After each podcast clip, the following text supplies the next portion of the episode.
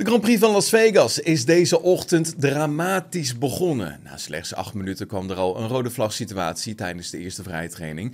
Carlos Sainz kwam tot stilstand nadat hij een losgeraakte putdeksel had geraakt. Zhou reed direct achter de Ferrari en zijn Alfa Romeo heeft ook schade aan de vloer opgelopen.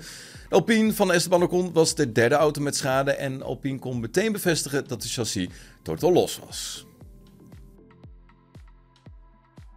Na inspectie van de SF23 van Sainz kan ook Ferrari nu bevestigen dat het een nieuw chassis zal moeten inzetten in Las Vegas. De auto waarmee Sainz tijdens de eerste vrije training mee uitkwam is te zwaar beschadigd om nog mee door te gaan.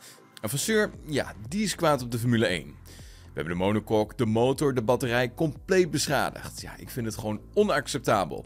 Dit kost ons een fortuin. Deze sessie voor Carlos is fucked up. We doen niet mee aan VT2 en dat is zeker.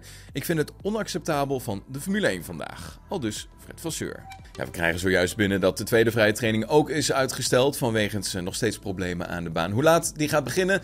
Ja, op het moment van opname weten we dat nog niet. Dus hou onze website gpfans.com in de gaten voor het allerlaatste nieuws.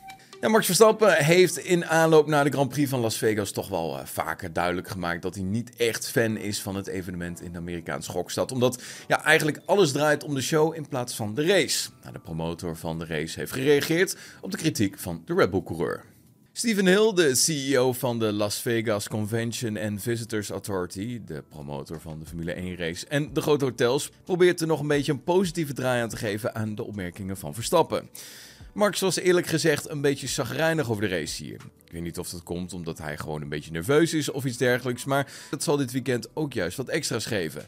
Zo legde hij uit tegenover Motorsport Magazine. Verstappen wint of niet, lijkt de CEO van de LVCVA niet uit te maken.